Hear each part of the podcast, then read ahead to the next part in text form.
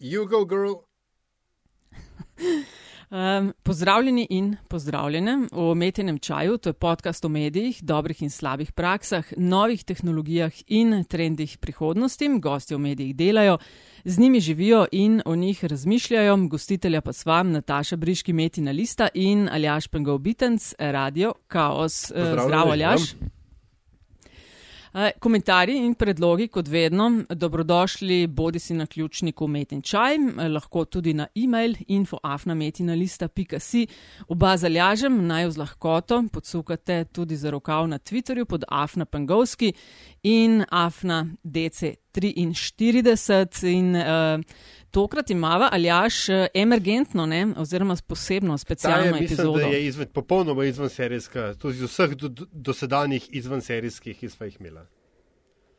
Ja, in sva se je zelo veselila, eh, povezana je z vsem aktualnim dogajanjem. Kar nekaj epizod v podcastih, ki jih delava, sva tedni na to temo uh, posnela in o tem govorila, tokrat pa z nami. Um, ali jaž verjetno lahko rečem tudi na željo uh, naših poslušalcev in poslušalk, namreč nekaj idej takšnih je priletelo v naš box. Je naš gost, gospod Andrej Šter, Ministrstvo za zunanje zadeve. Pozdravljeni, gospod Šter. Pozdrav, lepo pozdrav. Uh, prvi podcast, v katerem ste ja, gost. tako je, se počutim, kot da bi bil v neznanem gozdu. Bova poskrbela, da bo sprehod po tem gozdu uh, tak sproščen in prijeten. Zelo sva vesela, ker veva, da ste v teh dneh uh, gotovo uh, še bolj kot, uh, da rečem, zasedeni, več od tega, tako da sva vesela za uh, čas, ki ga namenjate podkastu. Uh, vedno ga štartava, gospod Šter. Uh, na enak način, preden se zakopljemo v vaše delo na dnevni ravni tedni. Um, za tiste, ki tiste trije, mogoče ki morda ne vejo za nas, za vas, če lahko samo v par besedah poveste, kaj delate na Ministrstvu za zunanje zadeve in mogoče še par poudarkov iz vaše karijere odprej. No, dajmo se najprej zmeniti, jaz sem Andrej, da ne bomo preveč časa zgubljali uh, z gospodi in tako naprej. Ehm, na Ministrstvu za zunanje zadeve sem tako enih 20 ehm, let, vse je povezano s konzularo, to je tam, kjer se ljudje ehm, ogibljajo nevarnosti zunaj, dobijo dokumente, se poročijo, uverjajo poslovno dokumentacijo, živ dolg čas. Predtem, predtem sem bil na Ministrstvu za notranje zadeve. Uh, bil sem med drugim tudi minister, ampak uh, Še predtem sem bil na občini Kran in začel sem pa kariero kot finančni inšpektor v enem mastodontu, ki so mi rekli služba družbenega knjigovodstva. Danes tega ni več, ampak mnogi uh, to službo pogrešajo. Sicer sem uh, dobrih 60 let že na svetu, sem poročen, imam dve hčerki in tri vnuke. In uh, moram reči, da tole, kar se mi zdaj dogaja, je neznanska popestritev v življenju enega takega birokrata. No, povejte zdaj, kaj je v tej uh, popestritvi. Zdaj, to, kar se dogaja, ima za vas verjetno koliko, zdaj že dva meseca? Ja, začeli smo tam, kjer se je nekje v neznanem koncu Kitajske nekaj zgodil, pa noben ni čist dobro vedel, kaj. In naša ambasada je rekla, joj, joj, ljudje so zboleli, kihajo in kašljajo, uh, ampak pri nas je še vse v redu. In pol sva začela z uh, eno gospo iz Ministrstva za zdravje, to je ena moja dobra prijateljica, uh, postala med tem mojca Gobec. Sva začela seznanjati slovensko javnost, da mogoče pa kakšen Kitajc zna zalutati do nas in bi bilo dobro, da se pripravimo. In pol je tista bolezen rasla, nasedla križarka tam pri Okohami je bila kar precejšna streznitev in uh, na koncu smo pravzaprav zajadrali v to, da zdaj le mejimo na, na evropski Wuhan in, in dogajajo se nam razno take uh, havarije, levo in desno.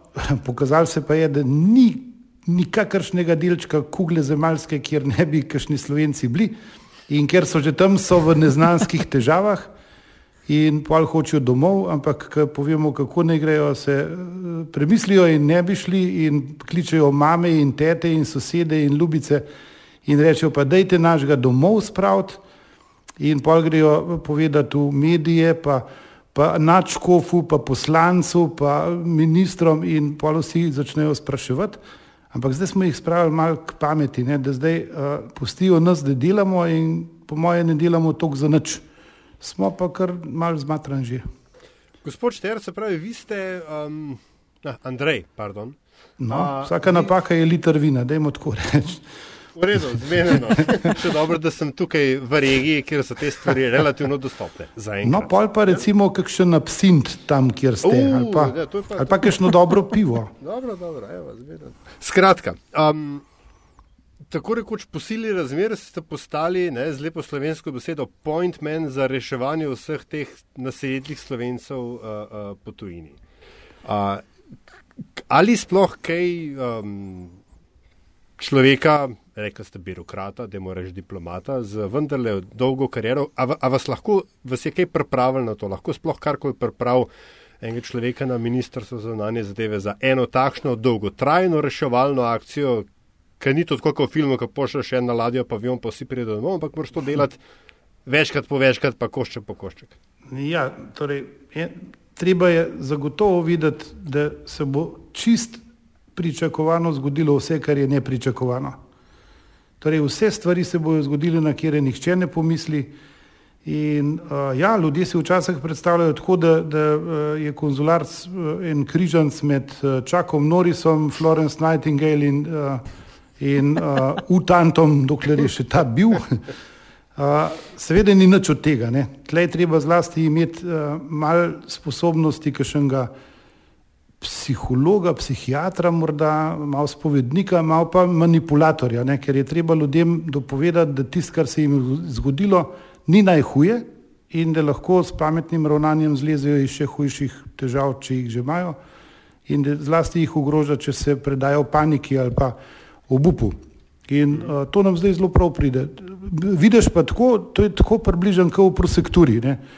Če nisi zatisnjen, če, če ob prerezanem trebuhu začneš bruhati, potem nisi za ta posel. In tle, če koga to obremenjuje, je bolj, da sploh gre stran, kot pa da bi mučil sebe in tudi druge. Kako pa zgleda vaš, vse vem, vsak dan je mal poseben, ampak kako izgledajo te dneve, vaši delovni dnevi? No? Kakšen je en tak povprečen dan? Res želite vedeti? ja. ja. No, uh, Recimo, ko pridem v službo, ne, uh, zdaj prideva skupaj s kacinom. In to že toliko časa, da so ljudje tle začeli sprašati, vidi vas skupaj živita, ker vsak dan skupaj prideta. Ja, jaz sem hotel vprašati, če se tam. Ja, se, se, seveda. Ne, to je zato, ker jaz ne okay. vozim avta in uh, če bi bil vezan na javni uh, prevoz, bi zdaj bolj tanko piskal. No, in potem prideva sem in uh, se začneva, zapodiva vsak v svoj uh, vogal in začneva ljudi opogumljati in uh, brisati solze in tiste, ki so obupani, prepričati, da jutro bo pa že bolje, hkrati odgovarjati na sto in en telefon in, in uh, diktirati razne take sporočila. In pa je počasi ura tam popovdne, ki je treba dati kakšno izjavo za javnost ali pa komu pomagati, da da izjavo za javnost. Pol greva domov, kar greva spet skupaj večinoma, kacin zgine na kakšno sejo vlade. Jaz pridem domov ob enih osmih, pol devetih, eh, če je vnukinja, ki smo zdaj skupaj, zato so se preselili iz Ljubljane, eh, mi, mi eh, zagrgra par besed in tako se mal igrava in pol pojem in začnem odpirati maile od celega dneva. Je jih neznansko mnogo in s tem končam ob enih pol enih dveh recimo po noč. In takrat pokličem Ano Petrič, ki je naša ambasadorka v Tokiu, pa mogoče še uh, njeno kolegico v Pekingu, zato ker oni grejo takrat spat. Pa uh, tudi jaz grem spat, zato ker bi mi sicer žena ubila ali pa me napodila od doma in se uh, zbudim ob enih štirih, zato ker začnem mozgati, kaj bo vse tisti dan treba narediti, pa kaj nisem naredil, pa kaj sem pozabil. In začnem odgovarjati na tiste maile, ki so se vmes nabrali. Pol pokličem uh, veleposlanika v ZDA, uh, Vidoviča in pokličem uh, kolegico v Ankaro, ki tudi takrat že ostane kaj novega. In pol počas pride moj kolega Kacin in me odpelje v Ljubljano. Uh, tako da zanimivo. zanimivo in uh, Jaz moram reči, da uh, ker me boste vprašali, kaj mi daje moč, da lahko uh, to vse počnem. A veste, da najbolj me uh, navdihne, ker sem tak največji glup primer, kjer moram mogoče komu omenjati uh, živali in sorodstvo v različnih pozah. In uh, takrat se tako nagnem nazaj in en čas rečem, da se, se to ne more biti res in pol vidim, da je res in uh, pol kaj naredim takega, da mi pol skoraj žal, ampak zdaj sem se navadil, da mi nič ni žal. In je to mogoče en drive, drugi pa je, da včasih, včasih uh, pridem do ideje, da smo res komu kaj dobrega naredili.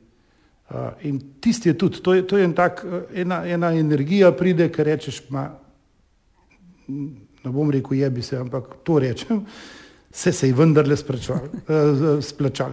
In pol gre malo lažje naprej.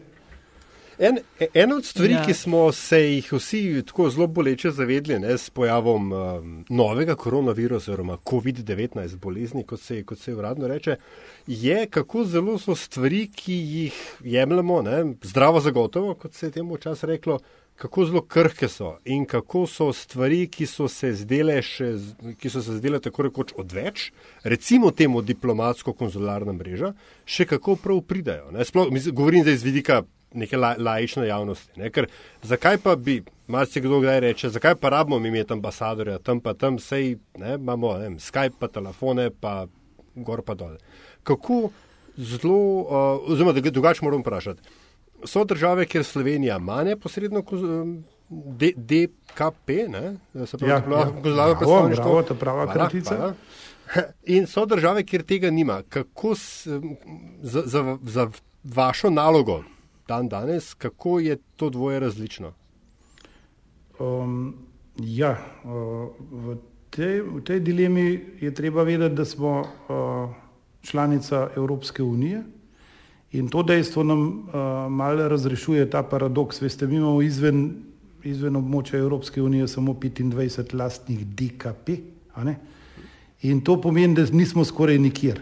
In če bi se zanašali samo na svoje, bi zelo tanko piskali. Ob tem, da se strinjam z vami, da kjer imamo dobre diplomate, je v redu. Uh, zelo, zelo ni v redu, pa tam, kjer imamo sicer diplomate, pa ti niso kos svojim nalogam. Ne boste verjela, tudi taki so. Ampak zlasti nas rešuje to, da smo del enega sistema, ki pravzaprav je čist povsod prisoten. Čist povsod po svetu je kakšna ambasada Evropske, eh, države Evropske unije in zdaj le v, eh, v, tej, v tej situaciji je to eh, zlata vredno. To se zdaj le vidi, ko, torej, če bi mi hodili po vsakega, ki je ostal v Južni Afriki ali pa v, na Surinamu ali pa na, na Kiribatiju, ma pravzaprav še dobro ne bi vedeli, kje to je in bi verjetno zalutali, ampak pa pridejo Nemci s tisto svojo Lufthansa ali pa Poljaki ali pa Nizozemci in delajo tako imenovane račje skoke, ne, kjer grejo od otoka do otoka in vse skupaj pokupijo ne, in pa jih pripeljejo v Vršavo ali pa v Berlin. In mi gremo lepo udobno tja, poberemo tistih 10, 12, 13, 50 in jih pripeljemo domov. In uh, to nam je zdaj res v veliko pomoč, uh, zato ker smo mehna država in smo tudi, uh, kako ne rečem, mehni po razmišljanju. Um, ja. No, kar povete. Zdaj, seveda, hodil sem pač še, ker ste že omenili mehne po razmišljanju in bo na neki točki verjetno to nekdo vprašal, če že ni, ne? bom pa jaz prvi. A nas to kaj stane? Vedel sem, vedel sem. Ja, sej, ja, seveda, seveda nastane. Sej, če hočeš z avionom iti v, v Vršavo in to delaš trikrat, štirikrat, petkrat na teden, seveda stane. Ja. Tak ne, polet ja. stane enih, 200, enih 15 do 20 tisoč. In mi smo se odločili na začetku, da to državljanov, ki jih bomo vozili domov, ne bo nič stalo. Zato, ker prvič, zdaj bom rekel veliko besedo, smo toliko široko grudni in tako razumevajoči, kar je blef, ampak po drugi strani sploh nimamo nikogar, ki bi ta denar pobiral, pa in kasanta nimamo, pa blagajnika nimamo in smo se pač tako odločili. In uh, na drugi strani smo mnenja, da to res državljanom dolgujemo In zato je tudi Kacin včeraj pol, uh, povedal tisto uh, pobudo, da bi uh, ljudje, ki mislijo, da, da jim je s tem bilo kakorkoli pomagano, naj nakažejo tisti denar, ki mislijo, da bi ga lahko dali v sklad, iz katerega se bo kakšna dobra stvar financirala. Ampak vi ste verjeten mislili nekaj drugega, če nas stane, če nas recimo stane vzdrževati diplomatsko mrežo tudi v času, ko jo ne rabimo jaz sem tukaj, sem, um, pač, um, zagovarjam več in, več in bolje, ne? ampak ne, v bistvu me je zanimalo nekaj drugega, ne? ker, ste, um, ker je dan danes veliko govora o evropski solidarnosti ali nesolidarnosti ali um, pomankanju lete kakorkoli in pol beremo zgodbe o tem, kdo je komu maske vzel, pa ni, pa jih prepelo. Skratka, hotel sem vprašati, ali recimo Zvezdna republika Nemčija, Republiki Sloveniji izstavi račun za eno tako um, da rečem, reševanje ali ali pa evakuacijo. No? Ne, ne izstavi računa, izstavi pa račun potniku, ki ga pripelje. Uh -huh. uh, računamo, nek, torej zagotovo ni tako, da bi potniki si morali razdeliti celotno ceno enega poleta, ki je mogoče 50 ali pa 60 tisoč, ampak plačajo tako ne oderuški, ampak vendarle en, en del torej eno vozovnico, ki je v mejah normale. Recimo. No, mi smo se odločili, da potniku ne bomo nič računali, pač pa bomo dali možnost, da tisto, kar bi sicer mislil, da je to vredno, da nakaže v ta sklad. Jaz, torej, To je tako, kot tiste restauracije, ki rečejo: prid, pojej, pol boš pa povedal, koliko ti je bilo to vredno in boš dal v tisti nabiralnik. Ne? Eni pravijo, da dobro skozi pridejo, eni pa mislijo, da se pridejo samo na jesti. Bomo videli, kaj bo na koncu v tistem skladu. Ja. A veste, da mene pa zanima, ko smo že pri EU ne, um, in je veliko bilo komuniciranja, za nekaj tega slišimo, ko javno govorite o tem, sem prepričana, da v zadju še vse skupaj bolj živahno. Ne. A je bilo sodelovanje, ker marsikakšne teorije zarote, pa kako je vsaka država zase, pa uh, in podobno leti, ne. a je bilo sodelovanje zgledno, ko Eh, ne vem, delate na repatriaciji naših državljanov in državljank, ali so kle kakšne pripombe, ali uh, imate kakšne, ne vem, predloge, kako, če se še kdaj ponovi. Uh, je treba uh, misliti sodelovanje v mednarodnem prostoru z drugimi državami ali tle med tako, ja. posameznimi inštitucijami. Slovenija z drugimi ja, državami, članicami uh, EU, recimo. Naša izkušnja je, da zelo dobro smo vzpostavili sodelovanje s tistimi, ki so bodi si na istih linijah potovanja, to so recimo države, ki so nam sosede ali pa pravzaprav z njimi se poznamo bolje kot samo evidenčno.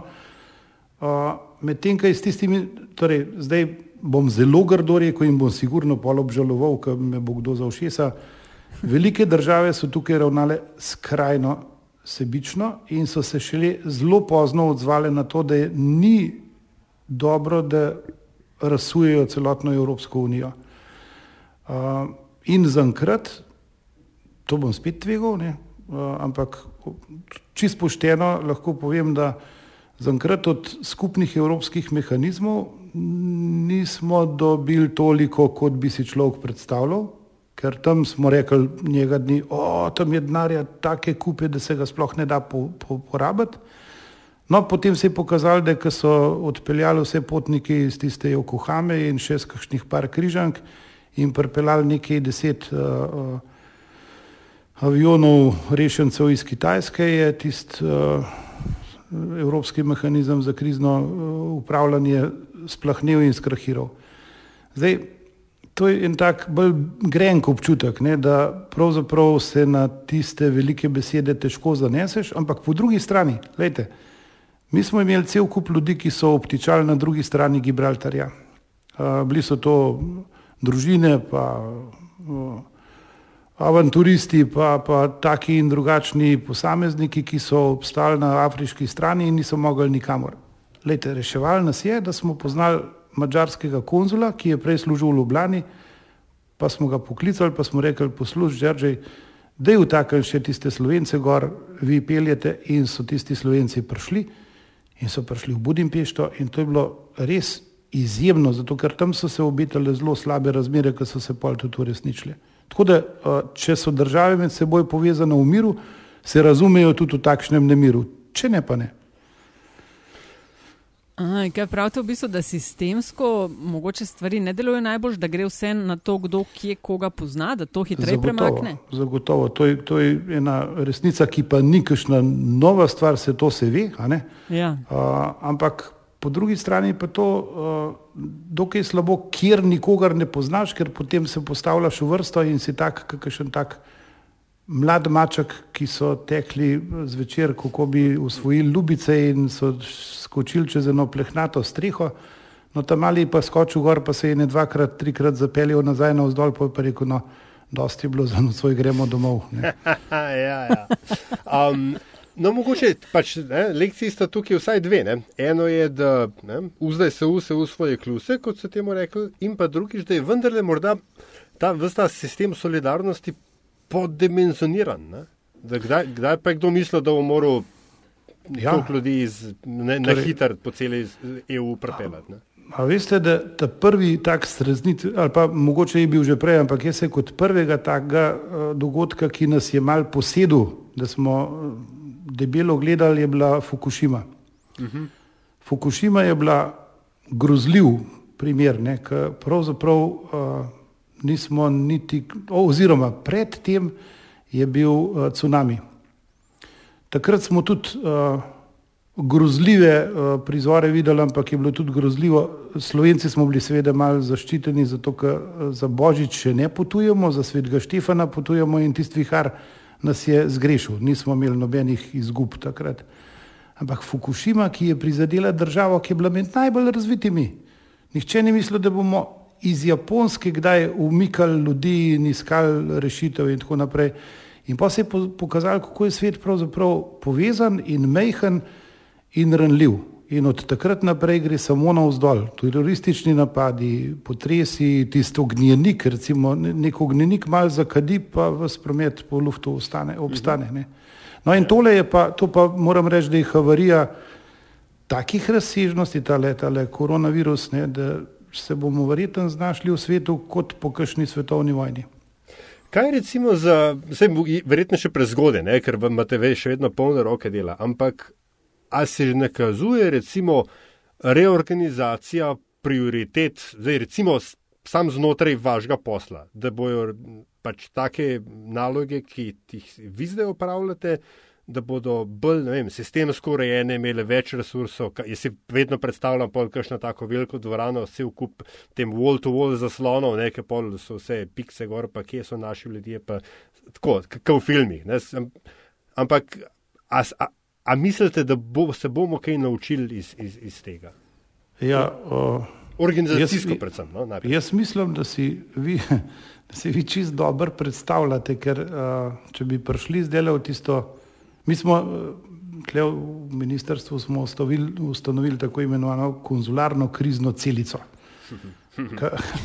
Sliši se tako, kot še en zapor, ampak to je dejansko tisto, kar ste zdaj rekli. Tam je ena srednja velika dvorana, ki je polna računalnikov in telefonov in za vsakim računalnikom en sedi in upravlja še s svojim telefonom in ob steni so pa, žal niso teli ta veliki zasloni elektronski, ampak so tiste table, a veste, kaj gor pišeš lahko, pa, pa kakšno stvar predstaviš, pa kakšni grafikoni so gor, pa ta da da ta da da.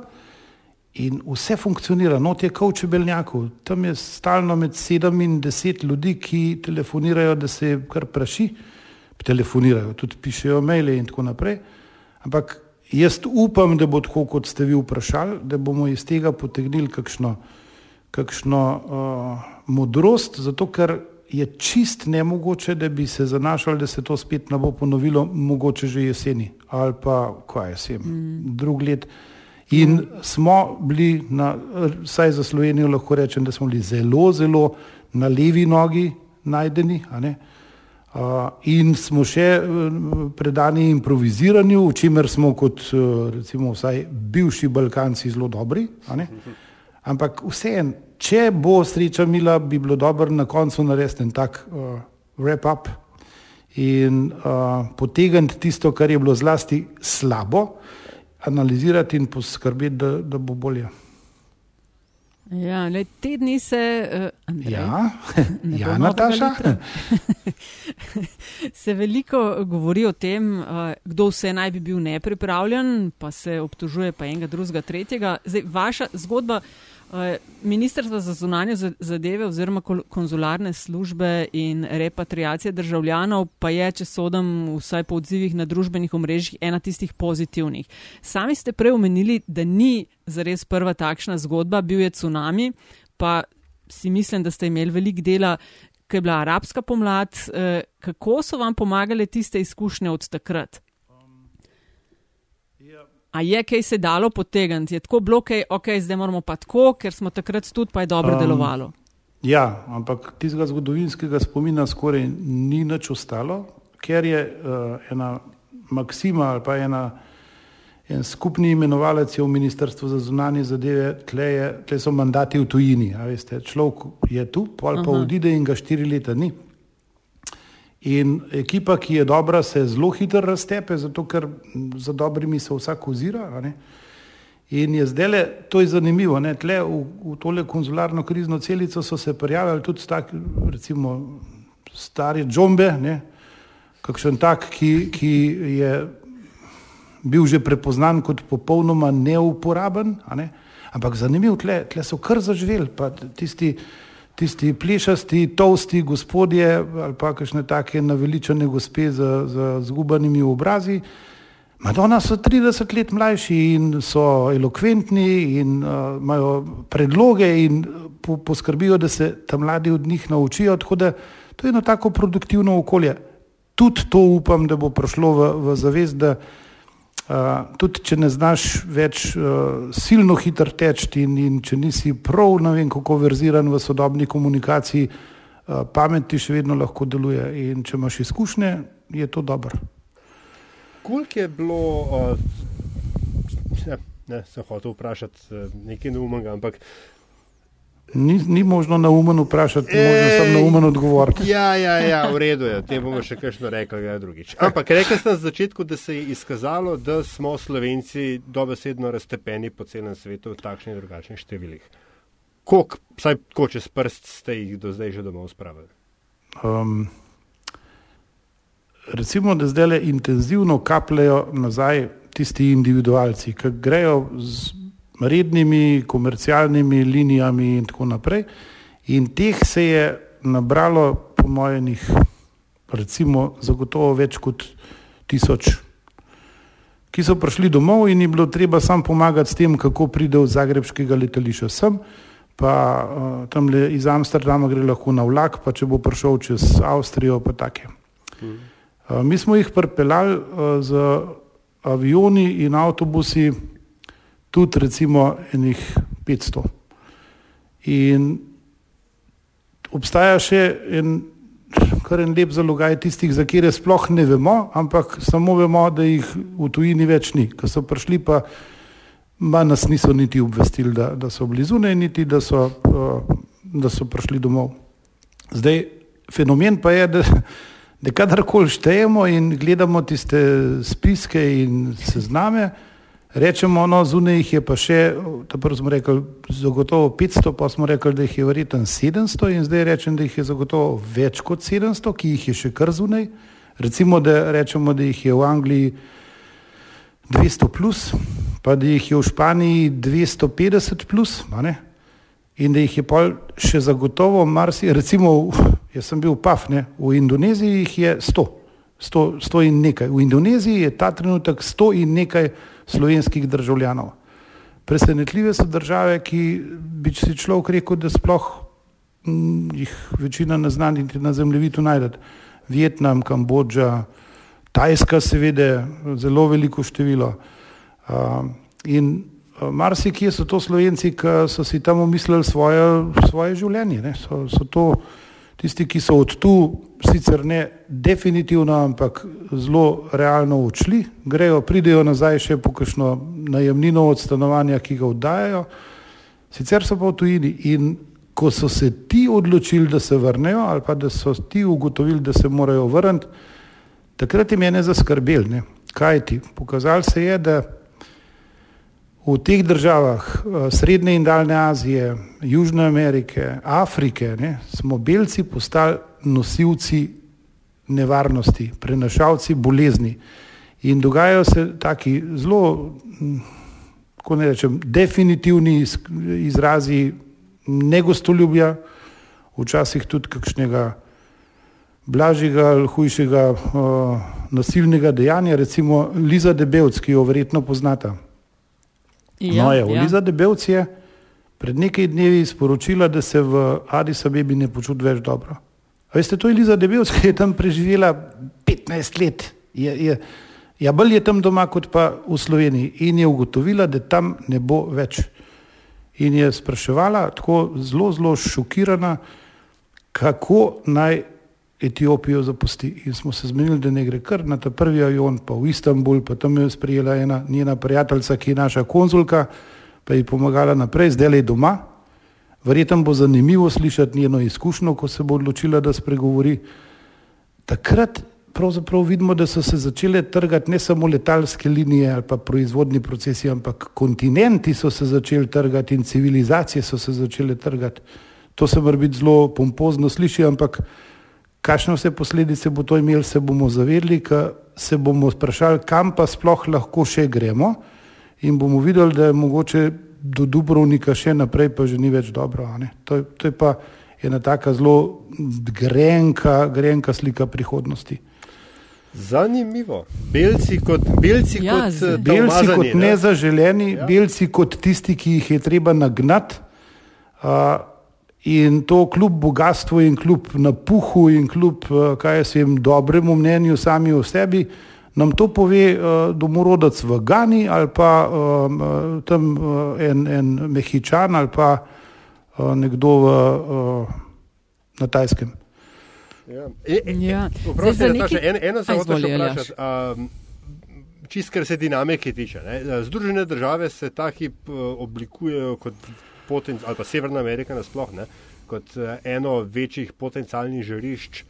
A imate kakšno oceno, koliko ljudi je naših je tam, ali pač tisti, ki se bodo javili, se bodo javili in mogoče ne, kam naj se javijo, če se hočejo javiti. Mm, To je, to je en zelo, zelo zanimiv uh, primer. Uh, naša ambasada v Washingtonu ima uh, kar en tak dober pregled nad tem, še zdaleč ne, da bi rekli, da čist za vsakega ve, ne, ker eni niti nočijo, da se za nje ve, ampak uh, ko je, ko je izvedela, da Slovaška pripravlja serijo poletov iz uh, Združenih držav, uh, In naš ambasador, ki je zdaj v Ameriki, je bil prej na Slovaškem in seveda se je, se je dogovoril, da bo na vsakem od avionov nekaj mest tudi za slovence. To so veliki avioni in tistih nekaj jih je recimo 20 na posameznem avionu.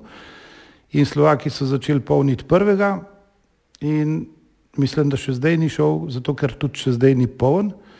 Namreč uh, Slovenci in tudi drugi, Čehi, Slovaki, Avstrijci, Mačari, ko so zvedeli, da tisti polet stane 1100 dolarjev, so ugotovili, da se tam še ne počutijo pravzaprav nič, ki je zelo ogrožene.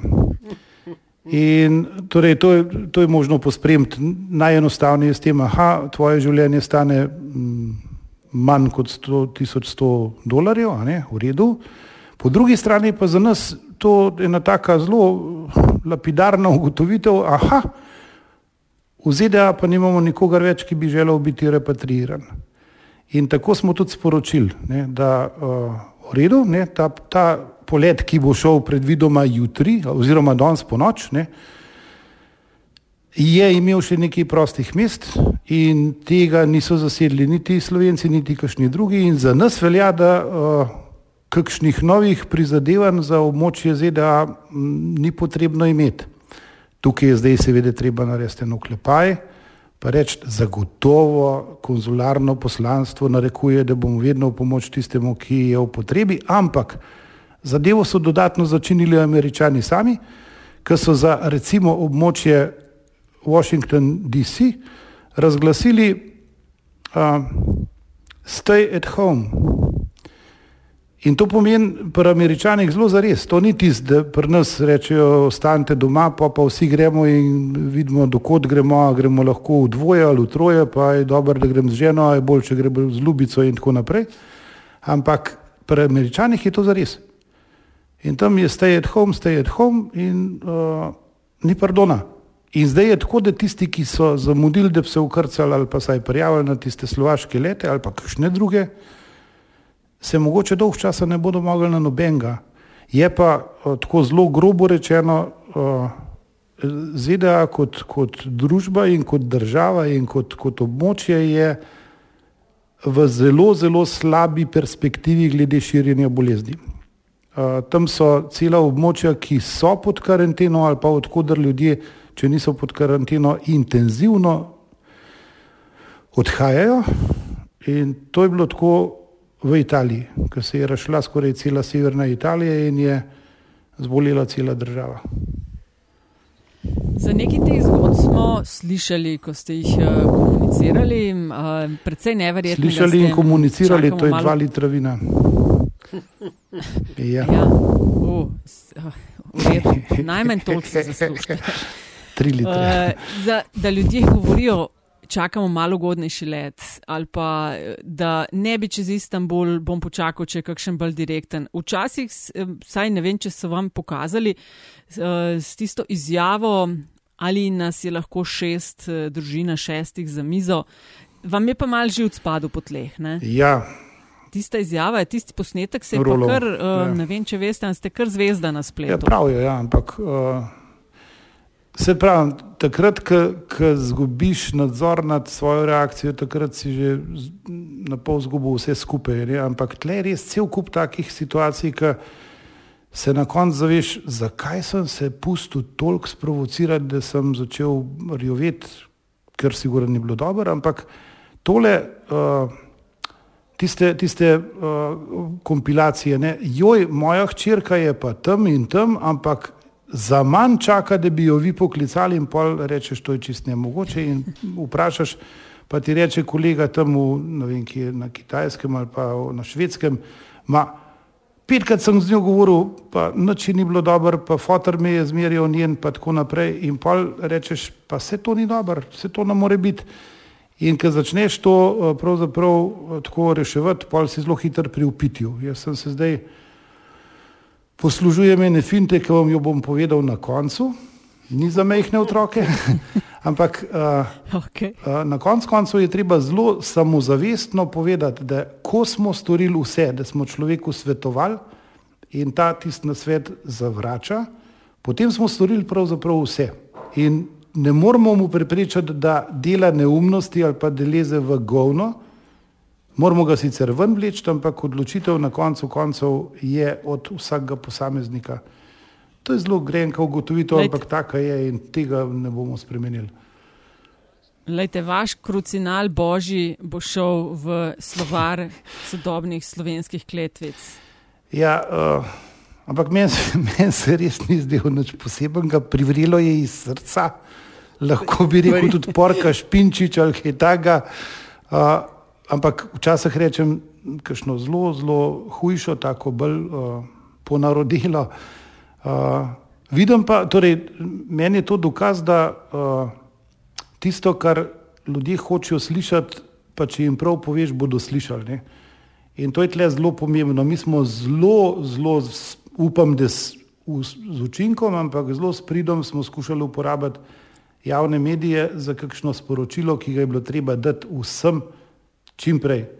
In tle mislim, tle, no, tle moram reči, da smo, vsaj jaz osebno sem izjemno navdušen nad slovenskimi mediji, ker skoraj brez izjeme so vsi razumeli, da tokrat je kakršna koli šala odveč, da so zadeve resne in da ni možno delati tistega pristopa, bomo pa mi mal, mal spektakularno ali pa ekscesno to obravnavali.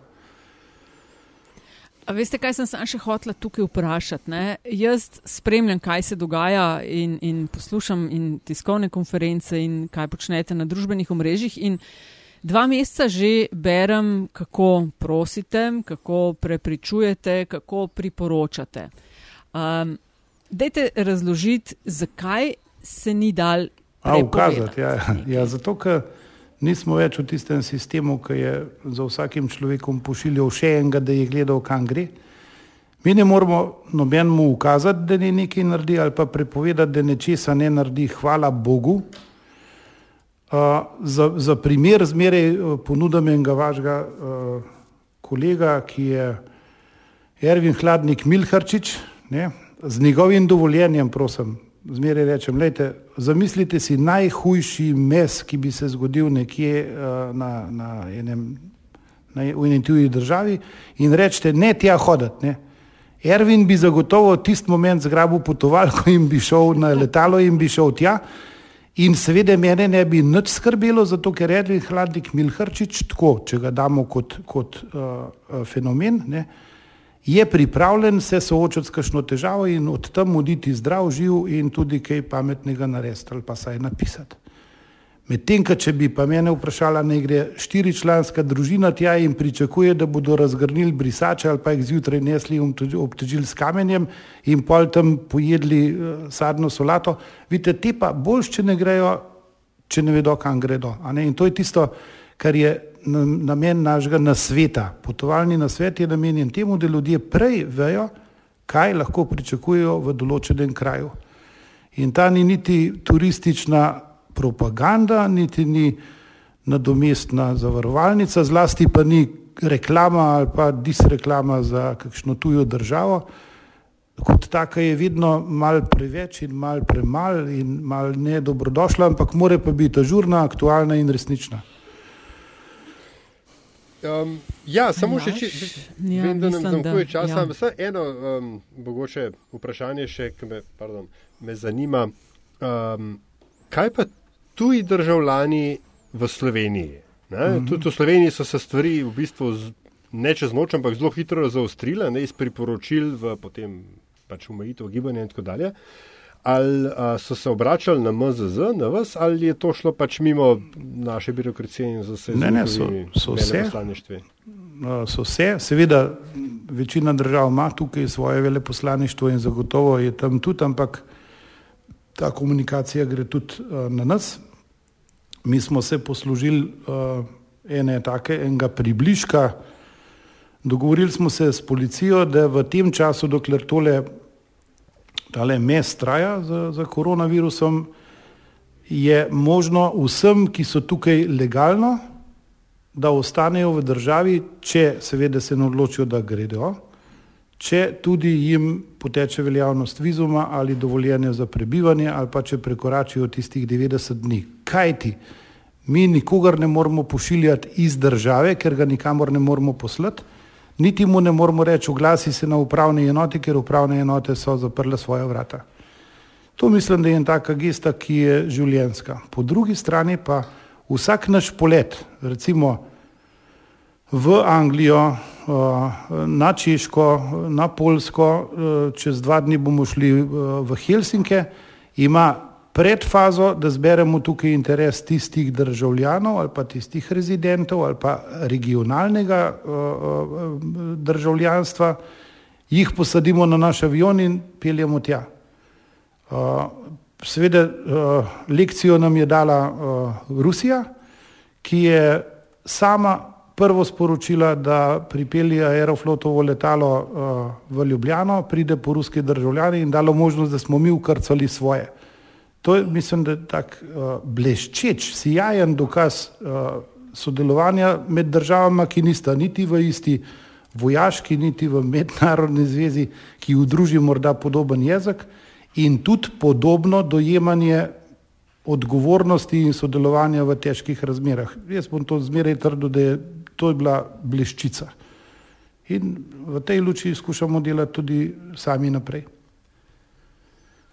Ja, uh, sem videla, da so vaši prstni vtisi tudi uh, pri vračanju malega krisa v Slovenijo. Tako da jaz vam lahko oba skupaj zalažem na tem mestu rečeva v imenu vseh. Uh, hvala vam in vaši ekipi, ker vem, uh, da uh, tle, niste sami. Tem, Pri tem pa jaz moram reči, da smo naredili ampak samo tisto, kar moramo in kar je naša dolžnost, ker tle so se potrudili drugi. Seveda smo naredili in z veseljem smo naredili, ampak tle gre pa zasluge, grejo čist drugim, smo vsi veseli, da je uh, fant doma.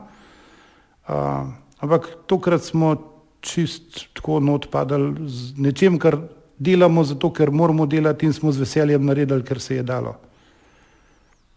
Ja, hvala vam za to in vse ostalo, kar počnete te dni in mesece, vam in vaši ekipi. Zdaj pa mi dva zalažem, vedno končujeva podcast Met in čaj z enakim vprašanjem vsem gostom in to je, da z nami delijo kakšno, ne vem, zanimivost, priporočilo, zgodbo, anegdoto, karkoli. Vi ste deloma že namignili, kaj ja. bi to lahko bilo. No, ker pol ne bo več možnosti, ker boste prekinila in, in uh, verjeten uh, se obrnila proč.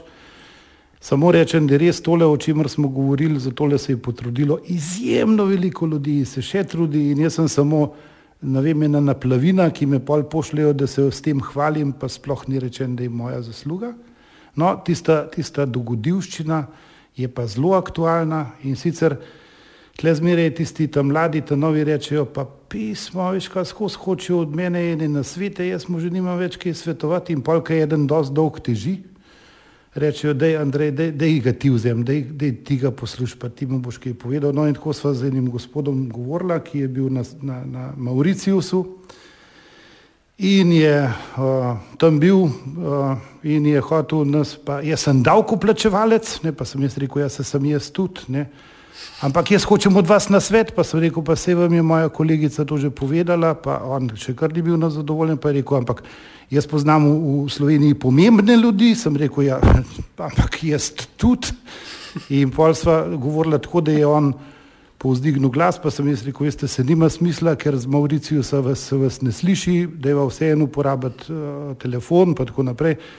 A veste, malo tako ga, ga drezaš, ne? in pol on, pa se sem videl, da nam bo odnač od vas, ne? pa sem rekel, no, pa kaj hočete, kaj vendar hočete, pa je rekel, ja, na svet. No, in pa mi je prišlo na misel, uh, pa sem rekel, no, dobro, če hočete na svet.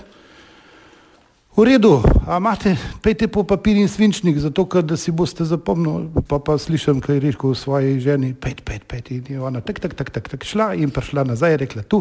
Sem rekel, a imate svinčnik? Ja, imate, držite papir in svinčnik v rokah? Ja. Sem rekel, no, na svet je, pejte v kurac. In to je bilo izjemna reakcija, bila njegova taka, tiskavite, ki požre sapo in pa je rekel, kaj? Pa sem jaz rekel, ja, če niste razumeli, kateri od teh treh besed pa niste razumeli. in sem odložil telefon. In nikoli več se ta gospod ni uh, uh, oglasil, jaz upam, da je že doma, pa da tole posluša. Ker, a veste, kako človeku odleže, kaj takega naredi, kar ni lepo, ok, ni lepo, res je, ampak je pa koristno. Uh, se ne, upa, se ne upate tole predvajati. Vse upamo. Uh, lepa hvala za gostovanje v Metinem čaju.